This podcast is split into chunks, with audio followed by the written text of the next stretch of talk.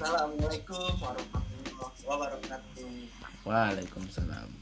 Halo, Bro dan Franky. Kembali lagi bersama gua Haikal dan ada juga Azam di Sokin. Ada juga Datuk Enak di Sokin. Nah, kali ini kita bakal ngomongin eh, soal Danau Toba. Wah, kenapa Danau Toba tuh? Danau Toba ini tuh eh, kemarinan kalau nggak salah jadi kawasan strategis pariwisata nasional atau KSPN super strategis malah gitu. Pas zamannya tahun 2019an itulah ya. Nah Danau Toba ini emang sangat-sangat eksotis gitu. Nih kita kasih tahu sedikit soal Danau Toba ya. Danau Toba tuh ya danau alami dari kalderanya gunung super vulkan atau gunung Toba katanya ya. Yang meletus gitu. Dan Danau Toba ini tuh punya eh, luas 100 km lalu eh, itu panjangnya sorry. Ada lebarnya lagi 30 km dengan kedalaman 505 meter. Atau dalam eh, kontes feet itu eh, 1657 feet nah danau ini tuh terletak di pada tahu lah di tengah-tengah pulau Sumatera lah dan dia punya uh, pulau namanya Pulau Samosir. Dan Danau Toba ini kan juga saat uh, merupakan danau terbesar di Indonesia atau juga danau ter- danau vulkanik terbesar di dunia gitu. Nah, salah satu lagi emang udah paling besar. Nah ternyata nih pada tanggal 2 Juni 2020 uh, UNESCO menetapkan Danau Toba itu sebagai geopark juga Nah, pas 2019 itu kan si Danau Toba sama pemerintah kita dijadiin kawasan strategis pariwisata nasional, tapi yang super strategis gitu. Jadi emang udah paling istimewa banget lah gitu lah. Nah, jadi eh, ada potensi-potensi wisata yang besar banget nih. Katanya tuh ada tiga potensi utama, yaitu kayak geodiversity, biodiversity, and culture diversity itu nah kali ini kita bukan bahas secara garis besar pariwisatanya tapi kita akan bahas soal transportasinya. Gimana sih eh, transportasi di sekitaran Danau Toba ataupun bagaimana kita menggapai ke daerah Danau Toba dengan sebuah transportasi ayolah kita simaklah Nah, kali ini eh, David Henok akan berbicara karena emang dia orang situ. Asli ya, asli sono. impor langsung kal dari sononya langsung gua cuman gede di Bekasi Eh, Oke, langsung deh. Eh, eh, mungkin Henok sebagai orang situ akan itu boleh lah dilanjutkan. Cuma kurang tahu. Oke. Sobat Transbu dan sobat Transis dan sobat Transis kalian sebelum gua masuk menjelaskan semuanya gua pengen sapa semua horas buat kalian semua. Asik. Asik. Ya, oke. Jadi gua menjelaskan apa menyanjutkan penjelasan dari Haikal sendiri. Jadi dengan adanya dengan berubahnya status Danau Toba menjadi geopark nasional jadi geopark Danau Toba geopark dunia itu selain juga meningkatkan apa memadukan tiga potensi sama yaitu biodiversity, biodiversity dan kultur diversity dan juga Danau Toba sendiri eh, kan kita tahu sih itu ada daerah-daerah apa ada industri di sana tuh ya. ada sekedar tambahan aja dengan dengan berubahnya menjadi status geopark dunia diharapkan industri-industri sana tuh sebisa mungkin eh, mesti mereka apa me- ikut meng- apa mendaur ulang alam yang baru gitu. Jadi nggak boleh sembarangan buang limbah terus nggak boleh ngampon barangan gitu. Nah kan ya emang ada lah beberapa perusahaan situ yang menggunakan Natoba sebagai apa yang berdiri sekitar Natoba nih istilah gitu. Nature-nya nature ya. ya jadi dengan kata lain mesti back to nature lagi istilahnya. Oke, Transbro dan Transis sesuai tadi yang Ikal bilang kalau kita akan bahas transportasi yang ke Danau Toba. Oke Nok, gue pengen nanya nih, ada berapa macam sih transportasi yang ke Danau Toba? Oke, gue buka ya. Untuk Danau Toba sendiri, transportasi itu tiga macam.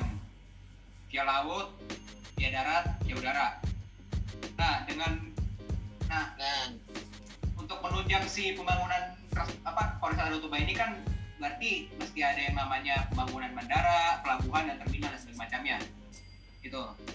Oke, untuk transportasi yang berbasis perairan nih ya. Nah, apa aja tuh yang di sekitar situ maupun yang menuju ke destinasi Danau Toba. Mungkin gue bakal jelasin untuk transportasi yang menuju via laut ya, yang menuju Sumatera Utara via laut.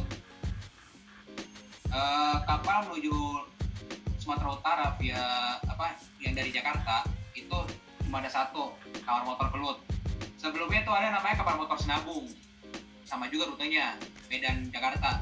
Cuman sekarang Senabung sendiri sudah dilempar ke alur, alur Parian Timur untuk rute Manado, apa ya, untuk rute ke Ambon atau Makassar itu gue lupa ya. Tapi dulu kapal ke Sumatera Utara itu ada dua ya, Kelut sama Sinabung itu. Nah sekarang yang beroperasi cuma Kelut. Untuk tarifnya sendiri, kapal motor Kelut tuh dibuka dengan harga 300 ribu untuk kelas ekonominya. Dan yang paling tinggi itu 1,5 juta untuk kelas 1. Itu kelas yang kemarin dinaikin sama Master Irja sama Master TikTok. Nah, Yang kamar-kamar ya. Iya banyak kamar-kamar. Jadi ada yang bilang tuh kapal motor fluid tuh apa eh, kapal pasir low budget ya istilahnya gitu. nah untuk rute kapal Cloud sendiri dari Jakarta dia nanti bakal menuju ke Kijang. Kijang tuh pelabuhan di sekitar Karimun lah. Dari dari Kijang nanti dia bakal lanjutkan perjalanan lagi ke Batam di Pelabuhan Batu Ampar. Nah dari Batam ini sedengar yang yang terakhir gue dapat kabar tuh udah dibuka buat turis. Backpacker yang dari Singapura mau ke mau ke Danau Toba cuman dia via-nya via Batam gitu. Jadi dari Canggih nyebrang ke Batam nanti dari Batam dia naik kapal perut ke Medan gitu. Transit gitu ya. transit nah dari situ nah dari Batam barulah kapal tersebut melanjutkan ke tujuan akhirnya itu pelabuhan Belawan Medan. Nah sebenarnya untuk pelabuhan Belawan sendiri tuh gak cuma Belawan doang pelabuhan di kota Medan sendiri. Jadi ada pelabuhan yang sekarang lagi dibangun tuh di itu namanya pelabuhan Kuala Tanjung. Nah kemarin ini Kuala Tanjung sendiri sudah dibuka dermaga untuk kapal pesiarnya sendiri. Jadi kapal pesiarnya gue lupa tuh kayak berbendera Singapura udah apa kemarin udah sempat bersandar situ. Jadi penumpang penumpangnya itu udah di di penumpang penumpang itu udah diajak ke Danau Toba gitu. Jadi dengan ditambahnya udah ada tol bermerah apa tol bermerah sampai ke tebing tinggi itu akses dari pelabuhan menuju Toba tuh sekarang sudah sudah 4 jam 4 sampai 3 jam lah gitu. Untuk yang penumpang kelut sendiri nih eh, yang dari Belawan kan kalau bisa mau ke Toba itu kan pasti ke Medan dulu tuh. Nah kemarin kan pembahasan kita nih yang pas reaktivasi ter apa reaktivasi rel kereta nih Iya. jadi Iya. setelah dibukanya pelabuhan apa terminal apa eh, stasiun Belawan Hmm. jadi kereta yang dari jadi penumpang kapal motor kelut yang menuju Medan tuh nanti dia naik naik kereta dari Belawan ke Medan nah dari Medan sendiri itu kereta tuh nanti mereka bisa naik kereta tuh ke Siantar itu ada pilihannya ada ada kereta Siantar Express sama Dolok Martimbang nah ini agak FYI aja ya. Dolok Martimbang sendiri tuh nama gunung di daerah Tapanuli di Kampung Bojong di Tarutung. Cuman Kalau keretanya ya cuman keretanya sendiri itu stasiun akhirnya tuh di Siantar. Iya belum nyambung. iya menyambung gitu. Nah baru nanti penumpang penumpang kapal motor kelut yang dari yang, yang dari situ Siantar Hmm. Nah nanti itu mereka naik naik mobil lah sampai ke Parapat nah itu udah udah Medan Toba tuh Tolong itu artinya apa, Nok? Dolok itu artinya gunung. Sama lah kayak di Jawa kan Argo. Oh gitu. Oh, Iya. Nanti kereta kelas dol. Apa? bisa. kereta kelas dol. Kan ada kelas kereta kelas. Oh. Iya. Tapi ini kalau Martimbang ini bukan kelas 1 sih. Dia rangkaiannya serangkaian bisnis malahan. Oh iya. Jadi di- dari Belawan itu udah ada itu ya komuter ya, kereta komuter ya.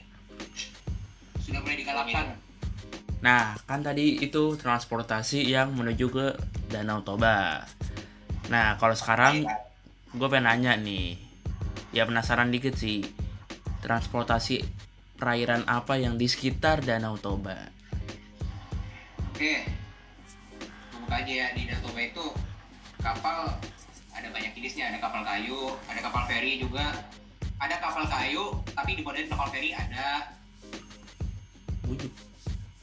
serius ada kalau ada eh ada sam nah mungkin gue bakal buka dulu ya kayak kap, dari kapal kayu ya. Jadi gue mau dibilang kapal sih eh, nggak juga sih. Gue lebih gue justru lebih lebih setujunya tuh dibilang tuh air atau water bus kenapa jadi itu modelnya kapal gitu cuman jadi beragam jenis lah istilahnya ada yang sampai 50 50 gross ton terkecil ada 16 gross ton Nah, yang bikin gue setuju tuh dinamain water bus karena mesin kapalnya sendiri itu mesin truk, setir kapalnya itu ambil dari setir bus.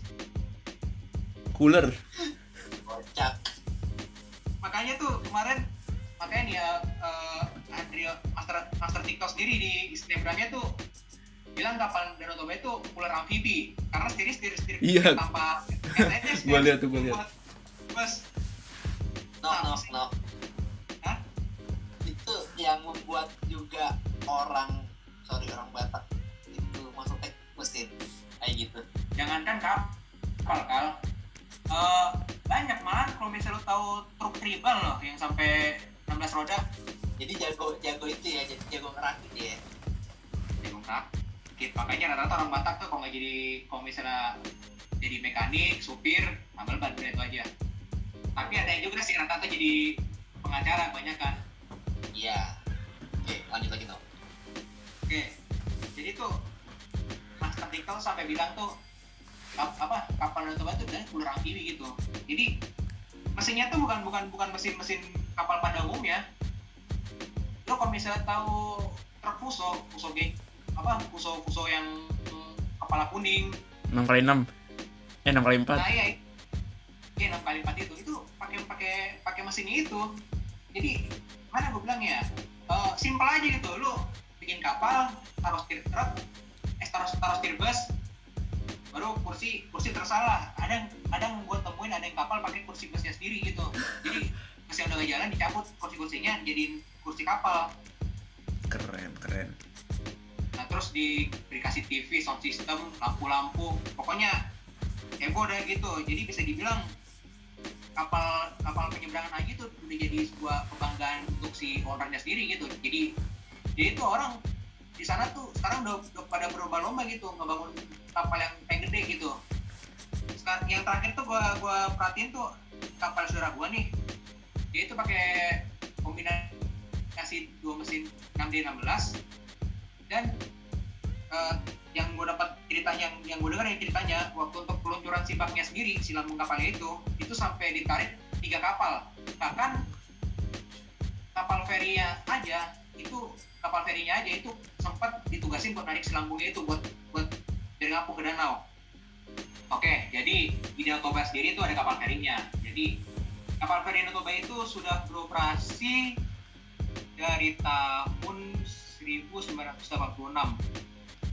jadi gue ceritakan aja sejarahnya ya. Eh, kapal Danau Toba itu diprakarsari oleh Bapak UTB Stanggang seorang pebisnis dan putra daerah di Samosir jadi beliau sendiri itu menggagas yang namanya menggagas angkutan feri pertama di Danau Toba untuk rute Adibata ke Tomok.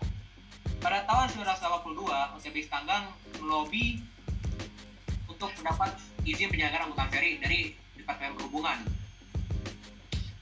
jujurnya sendiri OTB Stanggang tuh apa sejujurnya sendiri Departemen Perhubungan itu eh, bisa dibilang skeptis lah sama mimpinya si Bapak OTB sendiri.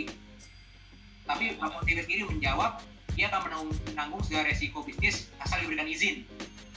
Nah, setelah izin diberikan, Bapak OTB sendiri akhirnya memulai pembangunannya tersebut dengan memanggil apa dengan me- mengkontrak paksaan konstruksi itu dari PT Kartapura dari Jakarta yang dipimpin oleh Insinyur Ruslan. Konstruksi kapal sendiri dimulai dengan apa di mempekerjakan 18 orang dan itu 18 orang sendiri itu bukan dari bukan dari daerah Samosir itu dari luar rata-rata dari Jakarta malah Mm-mm. Nah. gitu Nah, waktu pemulainya sendiri itu emang bisa dibilang banyak banget halangannya.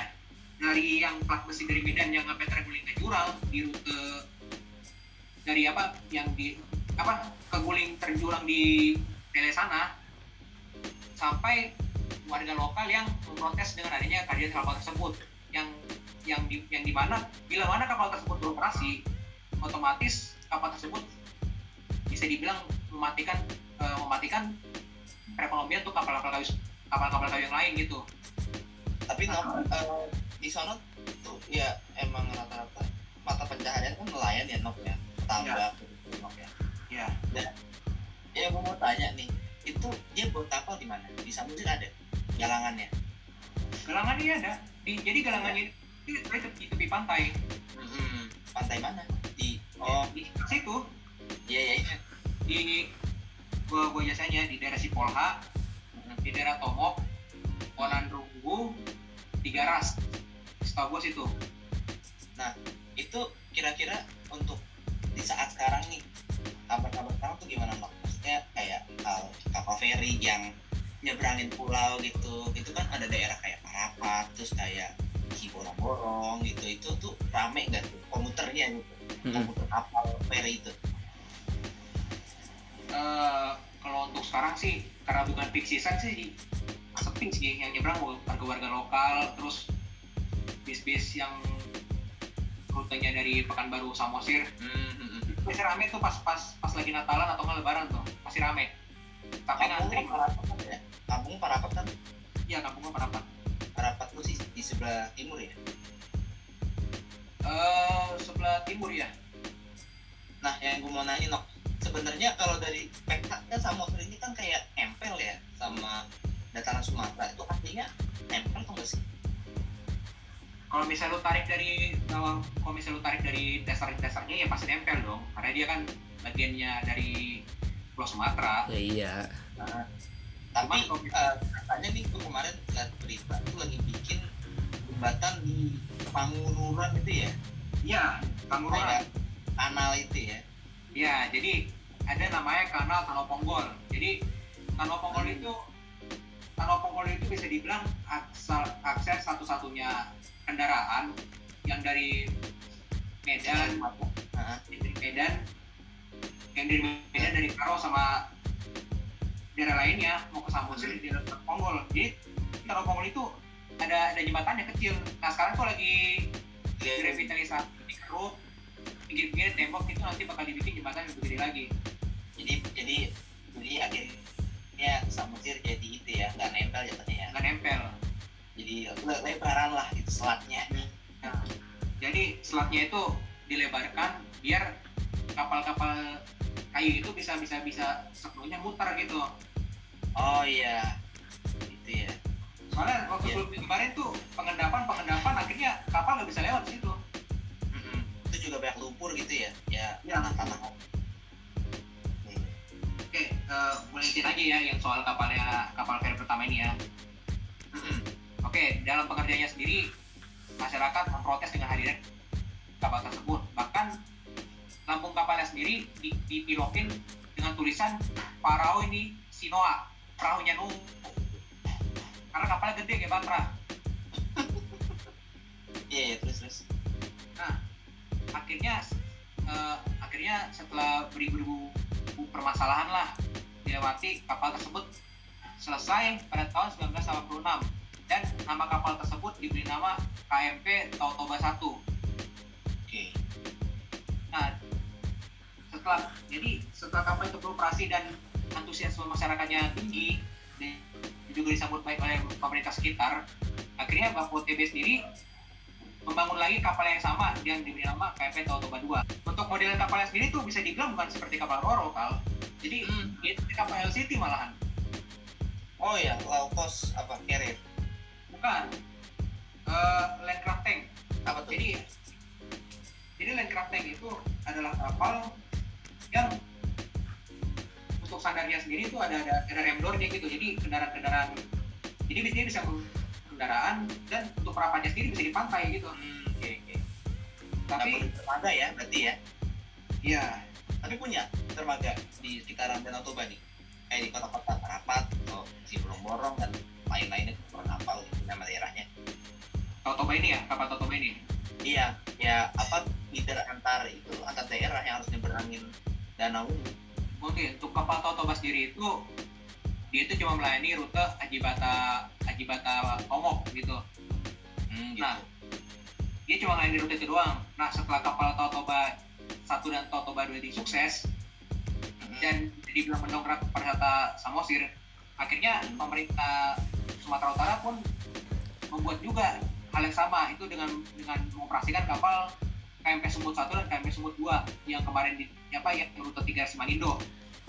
Nah, jadi eh, sobat Transbulan Transit sekalian nih eh, rute 3 Simanindo ini bisa dibilang rute ya, bisa dibilang trayek yang agak menyeramkan lah istilah gitu.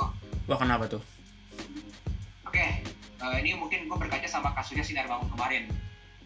Ah, ya tuh insiden-insiden apa kapal kecelakaan kapal tenggelam itu gimana tuh no? Nah, jadi Boleh no? jadi Sinar Bangun kemarin itu bisa dibilang peristiwa transportasi di Danau Toba yang menyedihkan dan juga paling mematikan. Ya, itu karena nah, dia, dia apa kalau nggak salah 100 penumpang atau 90 orang penumpang itu yang selamat 16 orang doang. Hmm, hmm. dan uh, gue ceritain lagi ya gua ada di situ saat kapal itu tenggelam dan emang gua akuin Wow. waktu kapal itu tenggelam gua cari sana emang lagi kurang bersahabat gua tanya orang-orang itu angin angin itu angin yang yang harusnya malam itu udah yang biasa angin malam itu dari pulau ke danau itu yang bilang katanya arahnya udah udah udah udah entah ke mana arahnya gitu. Mau dibilang ke danau iya mau dibilang ke pulau iya juga. Nah terus juga fakta yang fakta yang gue dengar juga nih dari lapangan. Kapal tersebut tuh jadwalnya dia melayani dua dua dua shift dua dua dua jadwal.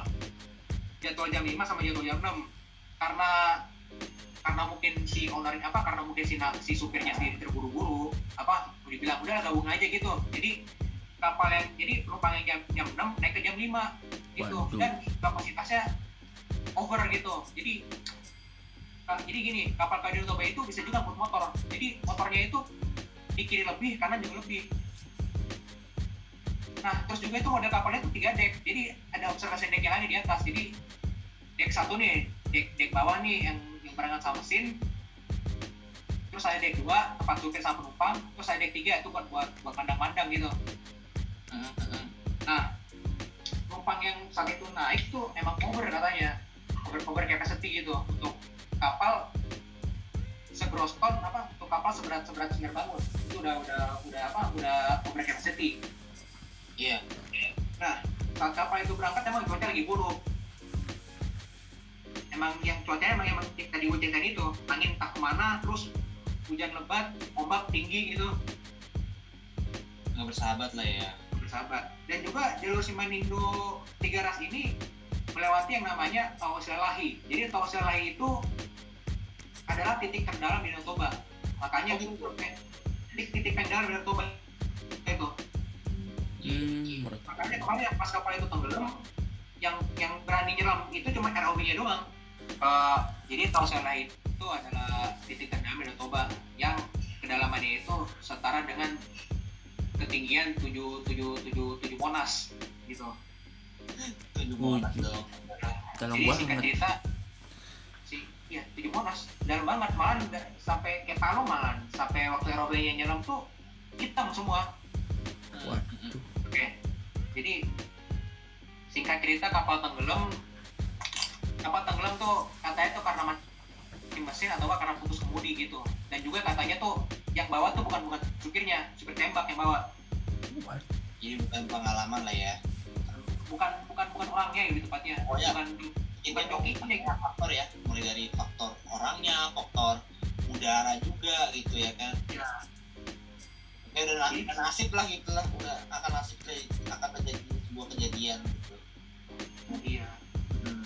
dan juga tuh eh, aslinya yang gue dengar berita apa sebelum kejadian tersebut kapal tersebut emang udah udah sering banget gitu melalui hal tersebut cuman karena mungkin bukan supirnya kejadian Hmm. Iya.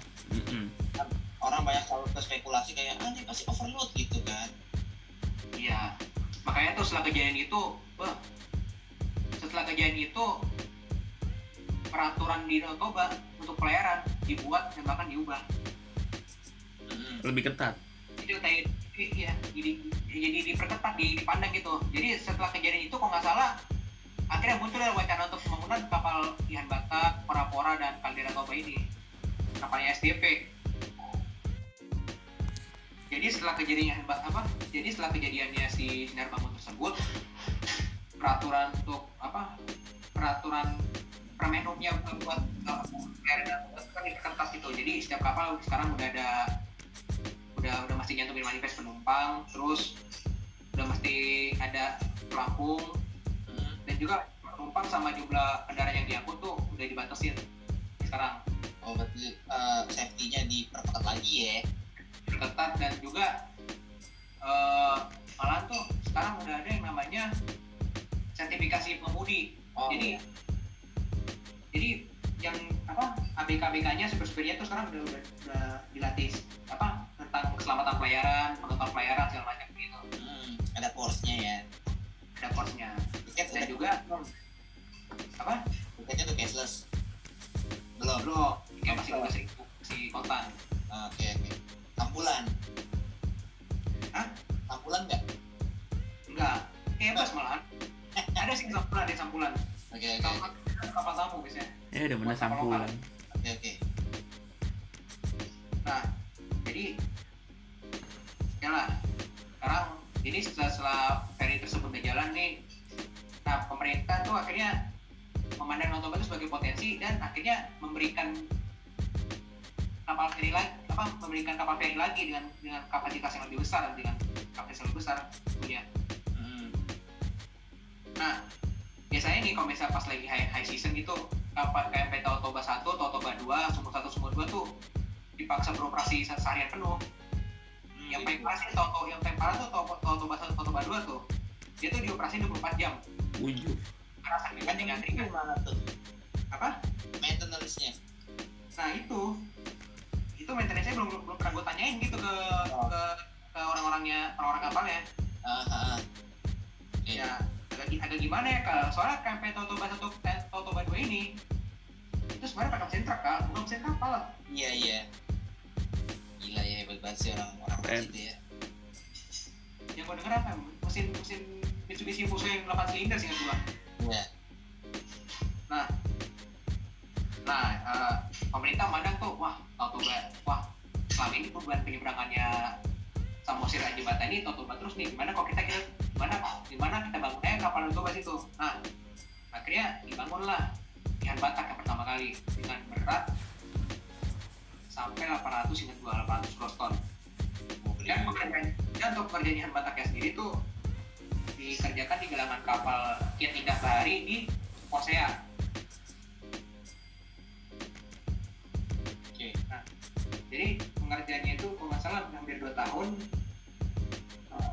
Hmm. ya tentunya dengan tentunya beriringan dengan pembangunan si dermaga sendiri gitu dermaga kan dermaga dermaga standarnya SDM ya malah Bagus ya. Jadi Ah, gitu ya. jadi bagus. Iya, Nggak- rapi. Bener-bener apa? Nyender di pantai gitu. bukan nggak benar-benar nyender di dermaga yang harinya Iya. Nah. Gitu ya. nah akhirnya akhirnya Ihan Batak sendiri beroperasi kayaknya Ihan Batak sendiri beroperasi pada tahun 2000 2018 akhir tepat tuh waktu Natalan waktu pada musim Natal tuh jadi jadi yang perantau-perantau tuh pada pada nyoba semua tuh kapalnya. Nah. Lu nyoba? nah sebenarnya gue pengen coba kal. Cuman ke tempat. Pertama nggak sempat yang kedua tuh dermaganya itu di Tomok yang di Samosirnya. Dermaganya ini di Simanindo. Oh di gitu. Amarita di eh di ya eh di ya di Simanindo? Di di Amarita sorry. Nah Amarita itu kalau nggak salah satu dari Hah? rapat rapat bukan Amarita itu satu kilometer dari Tomok itu. Di Samosir dia. Gitu. Dekat kampung lu nggak dekat dong?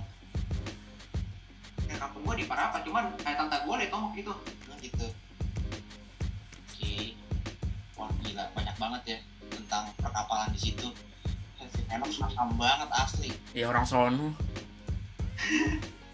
makam sih dibilangin Nih lanjut jam, apalagi nih jam yang kita mau tanyain ke Tui jam. Oke Sum- Sumatera tuh nggak lengkap kalau kita nggak bahas bus. Guys, Nok jelaskan. Mangga tuh Nok. Oke ini singkat aja ya. Ya. untuk dari Jakarta yang lewat yang lewat Danau Toba itu cuma LS tapi kas tengah. Oh gitu. Setengah kas tengah. Ya dan dan untuk pas dari Medan ke Danau Toba Banyak. the one and only- apa the one and only pemain tunggal di sana sejahtera Sejahtera ya yang kemarin naikin nama TikTok tuh sejahtera yang yang SN. sebelah sana sih pakai 1526 ya Hmm, hmm, Oke. Nah kalau sekitaran itu, kalau dari antar antar apa apa istilahnya kecamatan kali ya? ya Apa tuh? Ada bis bumel kah? habis itu kalau kita bilangnya tuh L300 atau L300 Oh. L kita ngomongnya Yang dan jadi itu dia itu model-model angkotnya itu kayak modelnya angkot Sukabumi gitu yang ngebelah gunung. Ya, Cuman ya- elep-elep gitulah ya. bukan elf kan L300 atau Wagon. Kan Cold Gue kira yang apa angkot-angkot elef itu apa? Nah, tapi ada sih yang elf sih ada yang elf juga. Ada. ada. Nah itu selain selain ada angkot elf juga tuh daratnya sendiri tuh ada bentor beca motor. ya. ya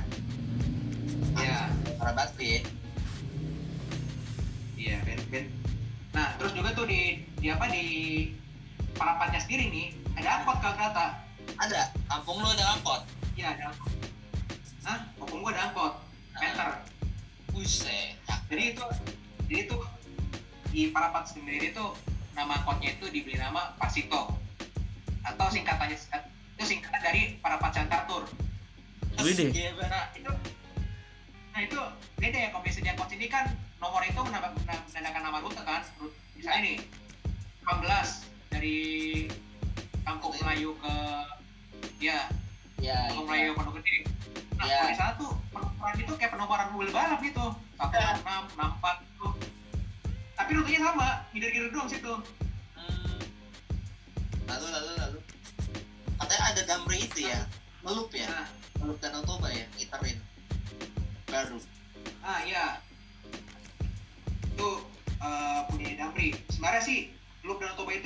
udah udah udah diwakilin sama KDP L300 ini cuman kenapa Damri bikin lagi tuh buat penunjang turis gitu Iya. buat penunjang turis gitu mungkin ada risi lagi tuh mobil sama mungkin turis tuh ada risi gitu mobil sama warga lokal jadi akhirnya kita buat aja Damri gitu Iya, bis perintis lah ya.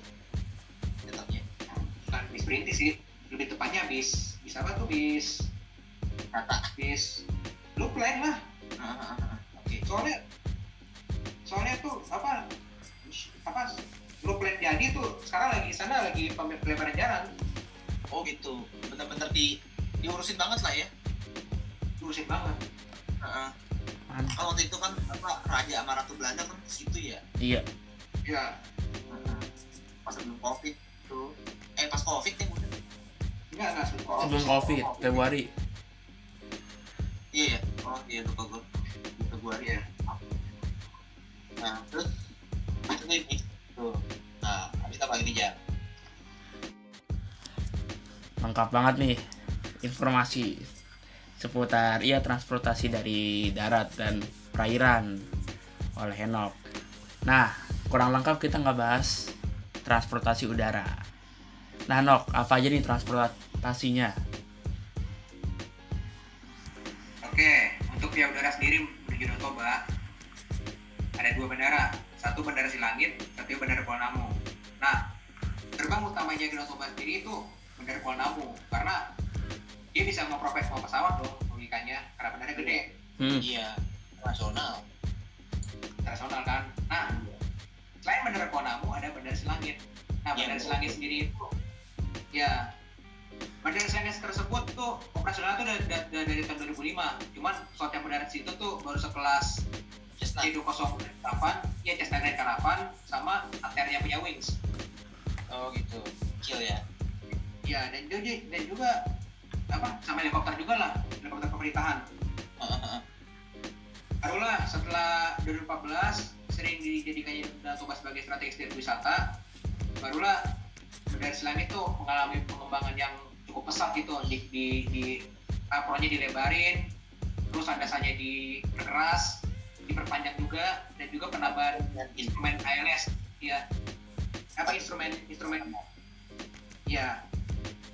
Dan setelah ditambahnya instrumen ILS dan juga standar internasional semuanya akhirnya di- ditingkatkan menjadi bandara internasional. Termasuk juga pembangunan si terminalnya sendiri. Hmm. nah sebenarnya sih komisi internasional internasional ke mana? Kuala Lumpur Oh, Indonesia yang megang oke. Terus terus. nah jadi jadi setelah udah proper semua akhirnya pesawat yang mendarat tuh sekarang udah bisa tujuh tujuh- apa udah bisa sekelas 737 800 900 Hmm. sama Airbus A320 Oh iya, yang yang kecilnya ya Belum. Belum yang belum kayak itu tujuh tujuh itu belum ya. menengahnya menengahnya Heeh. Karena tuh sebelum sebelum dua jenis itu bisa mendarat tuh yang bisa mendarat tuh cuma 737 500 Joko Sriwijaya sama CRJ Bombardier Heeh. Nah, jadi setelah setelah saya setelah saya proper tuh saya Bombardier ditarik ditarik Garuda terus yang Sriwijaya narik 900 nya akhirnya yang dioperasikan sekarang tuh 737 800 sama 3 sama 320 termasuk juga ATR sama Grand Caravan Oh gitu ya. di itu kan si langit itu lebih dekat ke arah si borong-borong ya kalau nggak salah ya. ya. Nah kalau parapat ada nggak sih? Nah, nah kalau parapat, oke, okay. parapat itu adalah ada bandara si bisa. Bisa. cuma sekarang terakhir, terakhir gua main ke si bisa itu belum ada tanda-tanda untuk di, diaktifkan gitu. Soalnya yang terakhir gua ke sana tuh si bisa tuh cuma dipakai buat tes trek doang. Nah. 2008 nah sebenarnya tuh bandaranya sendiri tuh sudah diresmi beroperasi pada tahun 2006 diikuti dengan pengenalan perdana Susi Air Medan Cibisa. cuman karena sekarang cuma karena demandnya kurang semenjak ada kehadiran apa semenjak sepenuhnya penerbangan ke langit akhirnya si bisa dimatikan. Bukan dimat, bukan dimatikan total tapi dimati surikan istilah gitu. Iya yeah, iya. Nah ada wacana juga tuh si bisa mau diaktifkan kembali cuman gua kemarin cerita sama apa gua kemarin cerita lah gitu sama saudara gua yang pegang angkasa pura dia bilang kayak gini kalau bisa sih bisa diaktifkan otomatis si langit mesti mesti apa mesti ngalah gitu Hmm.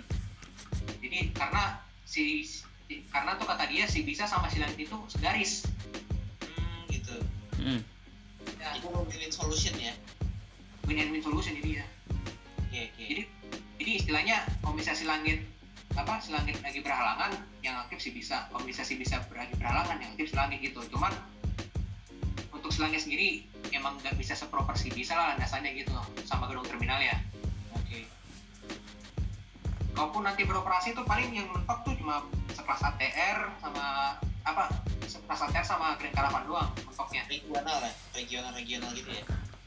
regional regional komputer lah untuk kelas akademi akademi udaranya gitu Iya iya. Mudah-mudahan sih. Iya. Kalau emang benar-benar pemerintah nggak serius ngegarap ini kawasan sih. Nah, kalau pendapat gue sih terhadap kawasan Danau Toba ya, apalagi akan jadi kawasan super strategis sih. Eh, Alhamdulillah sih dengan ceritanya si anak tuh ternyata pemerintah benar-benar menggarap gitu loh baik itu dari jalan yang dibenerin, dibagusin, terus juga fasilitas pelayanannya kayak ada damri, terus kayak ada kapal motor, kapal feri, dan juga akses personal juga mantep gitu lah udah banyak lah gitu. Ya mudah-mudahan sih eh apa ya kalau buat gue tuh lebih enaknya ya segera lah gitu jadi kawasan wisata yang juga apa sih, berkebinekaan lah gitu lah. Karena kalau amat gimana nih ya amat kantor baru datang nih. Gimana nih Vi dalam hal geologi gitu? Lu kan orang geomatika dan gimana kalau untuk perkereta apian kira-kira bisa nggak dipanjangin gitu? Amat Rafi kalau dari pandangan gue sih ya apa yang dipaparkan Henok tadi itu setuju banget sih di kawasan Toba itu dikembangin. Hmm. tempat yang lebih modern terintegrasi dengan transportasi umum apa saja yang mungkin cocok gitu. Tapi kalau dari pandangan gue secara geologi Hmm. Danau Toba itu nggak bukan sembarang danau nggak cuma danau aja. Punya sejarah panjang yang ceritanya eh, kompleks sekali. Iya iya. Banyak orang juga nggak percaya bahwa Danau Toba itu dulunya adalah sebuah gunung api yang cukup besar sekali. Hmm. karena ledakannya itu hampir men- memusnahkan kehidupan di bumi sekira-kira dua per tiga. Masya Allah. Itu pada rentang tahun yang cukup lama terakhir meletus itu sekitar 74 ribu tahun yang lalu. Tapi nggak tahu masa tahun depan kapan dan di mana gunung itu akan meletus. Jadi ya harapan gue sih lebih ada itu pembelajaran mengenai mitigasi bencana jika memang terjadi. Iya pasti. Samping gunung meletus itu juga tadi yang pernah Heno bilang juga pernah ada tragedi kapal tenggelam. Mungkin itu bisa jadi pembelajaran juga untuk mitigasi dan pencegahan agar tidak terjadi lagi. Kalau sisi perkereta gimana? Dari pematang full kudu dipanjangin nggak tuh bisa asal lihat kontur tanahnya masih kemiringannya masih bisa dilalui kereta ya mungkin bisa tapi kalau terjal terlalu terjal sekali mungkin bisa dialihkan dengan transportasi lain mungkin seperti bis atau elf atau apa gitu yang Oh, cocok. Iya, atau enggak ya kalau misalnya mau invest teknologi lebih ya bisa sih, cuman ya mahal. Ya bi ya. Iya. Ya bisa sih transportasi terusan. Oke, dari gue ya. Terlepas dari jatuhnya pariwisata, jatuh bangunnya pariwisata di daerah Danau Toba, ya ini merupakan langkah yang baik buat pariwisata di sana.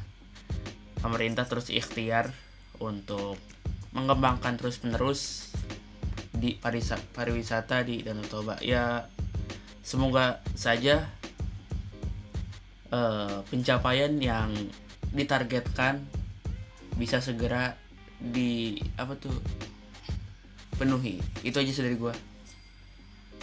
Oke terakhir nih. Dari orangnya langsung. Apa sih cita-cita lunok untuk wisata, wisata Danau Toba? Dan closing statement pakai bahasa Batak dong. Cita-cita gua untuk kawasan Danau Toba ke depannya semoga makin berkembang tapi jangan melupakan kalau itu adalah tanah rantau atau tanah aslinya tanah asal mulanya orang Batak sekalipun nanti sudah banyak apa sekalipun sekali sekalipun nanti sudah banyak perantau yang datang sana karena perekonomian sudah bagus gua mohon itu ada tanah kelahiran gua meskipun gua lahir di tanah rantau. Dan juga itu ada identitas gua juga gitu Toba itu dan ke depannya sendiri karena dan ke depannya sendiri gua harap semangat pariwisata semangat kebudayaan dan semangat geode apa geodiversity dan Danau Toba itu semakin berkobar bahkan sampai amit-amitnya Tuhan akhirnya membangunkan kembali Gunung Toba ini dari tidurnya gitu karena nggak ada tiga hal tersebut. Mati. Sekalipun hijau sekalipun bagus. Sekalipun hijau sekalipun bagus. Kalau misalnya ada tiga itu masyarakatnya gitu-gitu aja. Ya juga begitu aja dan mungkin orang Batak gak bakal gak bakal gak bakal dikenal di seluruh dunia gitu. Masih segmen gue sendiri diambil dari lagunya Felicia Nipar. Asik. Tahu Toba. Di sini dibilang Tahu Toba Raja ini sudah tahu Danau Toba adalah raja dari semua danau Asik. Asik. Wah, masih gue di kelas tiga ada statement satu lagi nih dari lagunya Tongam Sirait ya boleh boleh boleh. Come to Lake Toba, you will enjoy with us. We will serve you. If you come to our place, we to left, you will find. Yang artinya, datanglah ke Danau Toba, bergabunglah bersama kami. Kami akan melayani kalian. Datanglah apa? Datanglah tempat kami dan kalian akan menemukan sesuatu yang indah dalam hidup kalian. Mantap. Ya, ini dia nih episode tentang Danau Toba. Memang kita nih perlu bangga sebagai orang Indonesia ya. Kita tuh punya potensi wisata yang banyak dan besar banget dan eh, bersyukur dengan hikmat Tuhan yang Maha Esa. Dan oke berkata dari gue itu saja. Eh, kami undur diri. Ada Nok di sini, ada Azam, ada Ahmad Rafi juga di sini. Dan mereka undur diri. Assalamualaikum warahmatullahi wabarakatuh.